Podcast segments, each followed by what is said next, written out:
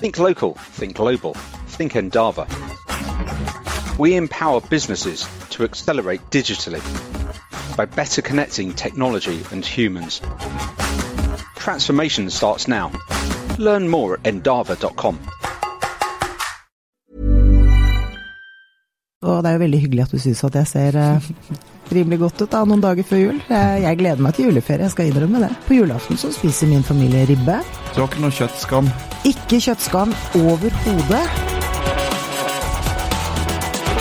Du fikk en pangstart som partileder. Altså Du tok over da i 2006, og i 2008 så var eh, Frp Norges største parti. Der hadde over 30% på meningsmålingene. Eh, dobbelt så store som, eh, som Høyre. Nå ligger det vage sånn pluss-minus 10 eh, Bergen Frp er blitt overtatt av, av fylkespartiet. Har Frp mistet sjela si? Nei, det har vi på ingen måte gjort. Snarere tvert imot det som har vært viktig for meg å kommunisere, ikke minst etter veldig dårlig kommunevalgsresultat, for det var det. Det var veldig dårlig. Eh, at man skulle se et mye mer gjenkjennelig Fremskrittsparti fremover. Vi skulle være tøffere og tydeligere, og jeg tror eh, velgerne begynner å se konturene av det. Vi har jo sett nå et oppsving på meningsmålingen den siste tiden. Eh, meningsmålinger er jo veldig bra, fordi det er en sånn øyeblikkelig tilbakemelding fra velgerne, men det er ikke valg. Og det er nå engang valgresultatene som betyr noe. I alle de årene jeg har vært partileder, så har jeg kommentert målinger langt oppe i himmelen, og målinger som er betydelig dårligere. Og så vet jeg at eh, det er valgresultatene som til syvende og sist avgjør. Og da må vi være gjenkjennelige for eh, våre velgere. Og vi må eh, anstrenge oss for å gjennomføre politikk som våre velgere vil ha. Men så er det jo nå engang sånn da at um, Fremskrittspartiet har aldri hatt rent flertall. Og for å få gjennomført mest mulig av vår egen politikk, så må vi samarbeide med andre. Men så har jeg jo da vært opptatt av uh, at uh, ja, man må inngå kompromisser når man sitter i regjering, men det er ikke nødvendigvis sånn at alt man gjør blir så kjedelige kompromisser at ingen av partiene som er med i samarbeidet, blir gjenkjennelig til slutt. Da tror jeg det er bedre at uh, man uh, gir hverandre noen blanke seire, som gjør at alle partiene i en samarbeidskonstellasjon blir gjenkjennelig for velgerne sine. Uh, og jeg tror det blir ja, jeg tror velgerne blir mer begeistret av det, rett og slett. Men er de, er de mest opptatt av makt enn å drive uh, partipolitikk? Nei, men uh, det er nå engang sånn at uh, jeg engasjerte meg i hvert fall i politikken som ung jente fordi jeg trodde det var mulig å gjøre samfunnet til et enda bedre sted å bo i, og fordi jeg, var, fordi jeg er grunnleggende uenig i en sosialistisk politisk retning. Jeg mener det er feil. Jeg har tro på frihet, jeg har tro på individet. Jeg har tro på at vi skal bestemme mest mulig over oss selv og over familien vår og over pengene våre også. Eh, men så er jo spørsmålet da hva er, hva er eh, hva, Hvor får du til mest? Eh, I opposisjon uten makt og innflytelse, eller i posisjon hvor du faktisk kan bevege politikken litt hver dag? Og jeg mener faktisk at det å påta seg ansvar gir muligheter, men, men du sitter også med ansvar, da. For alt. Du kan ikke bare liksom velge bort de tingene som ikke er gøy. Du må ta med deg også de tingene som er litt mer krevende. Men, men nå er det jo mange i partiapparatet, uh, inkludert deg selv, da, som sitter i, i, gode posisjoner. Dere har jo gode lønninger, mange millionlønninger. Eh, bilen din, altså du, du kjøres jo rundt i en iallfall en fin bil. Om ikke det er en limo, så er det iallfall fin bil. Eh, du har jo ja, Jeg vet jo at du har vært på teaterkafeen sammen med Kristin Sveaas og leier hus av Johan Andresen, og, eller hytte av han. Uh, det er mange som oppfatter dere som at dere mer er nå er eliten enn en folket. Altså, er dere ikke lenger partiet av og for folket? Jo, det er akkurat det vi er. Fremskrittspartiet samler jo mennesker fordi de tror på vår eh, liberalistiske ideologi. Eh, og det samler fattig som rik, ung som gammel, kvinne som mann, eh, akademikere og arbeidsfolk det er jo det som er for folk flest. At du samler folk basert på en, en, oppfatning om hvordan samfunnet skal styres. Og vi vil jo at samfunnet skal styres mest mulig av hver enkelt, av, hver, sant, av familien. Og minst mulig av politikere, egentlig. Sånn at jeg tenker at av og til så handler politikk også om å ikke eh, blande seg inn. Ikke overta styringen, men å overlate beslutningene til eh, familien, til den enkelte, til bedriften. Ehm, så det er ikke alt jeg tenker at eh, politikerne skal løse for folket. Snarere tvert imot så tror jeg noen av og til tenker at det er befriende at politikerne lar være å blande seg inn òg. Men det er ikke, Når du ser på Trygve Slagsvold Vedum og Senterpartiet, får du ikke litt lyst til å være tilbake i opposisjonstilværelsen? Eh, han klarer jo faktisk å fri til på en måte sånn slags folkelig appell. Eh, har han stjålet en del av de velgerne som du før trakk til deg? Ja, så Det er jo eh, mulig å se at Senterpartiet har si, endret politikken sin på en lang rekke områder de siste årene. På den annen side så, så, så, forteller de jo bare deler av sannheten. Det er jo en gang sånn at ja, Senterpartiet forsøker å fremstille seg som et parti som nå har blitt opptatt av å redusere avgifter.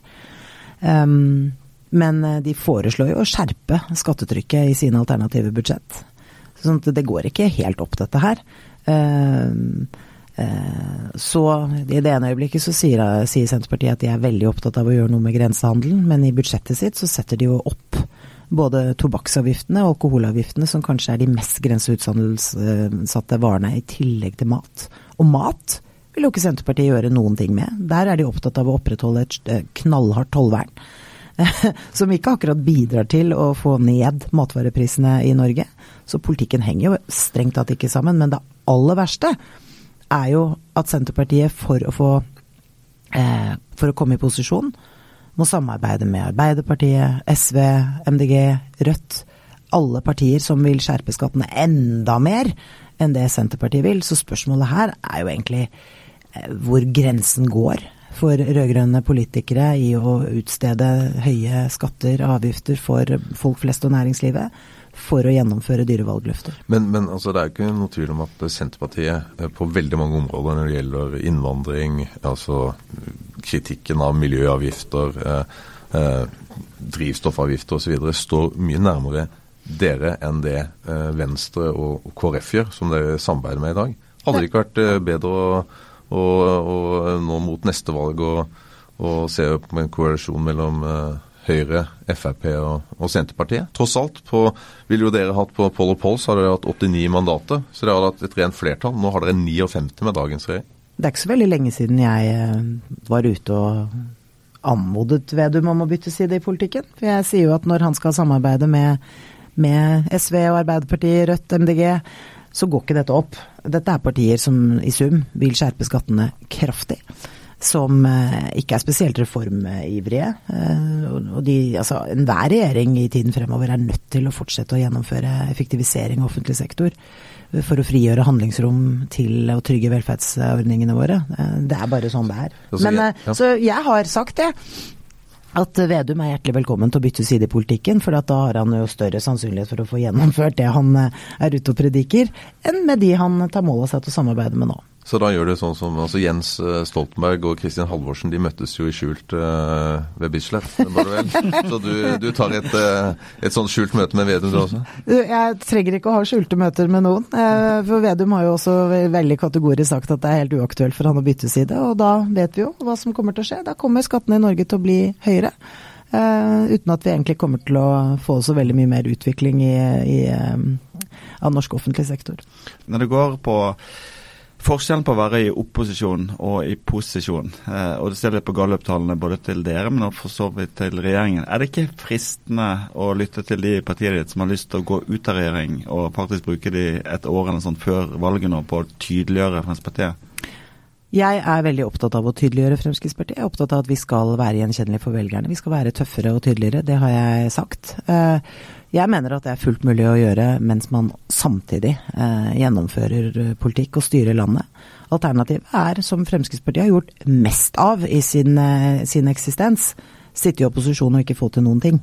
Eh, det kan man si, ja, det er sikkert kjempegøy, fordi, men du har jo ikke noe ansvar, og du har ingen innflytelse, og du får ikke til noen ting. Er det riktig? Hadde da ingen gjennomslag mens det var i opposisjon? Jo, jo over tid så, så, påvirket vi jo gradvis politikken. Det felte jo en regjering på 80-tallet. Ja, men eh, det brakte oss ikke noe nærmere gjennomføring av viktig politikk. Husk at vi har nå eh, som følge av at Fremskrittspartiet sitter i regjering og har ansvar for innvandringspolitikken, så har vi den strengeste innvandringspolitikken Norge har hatt.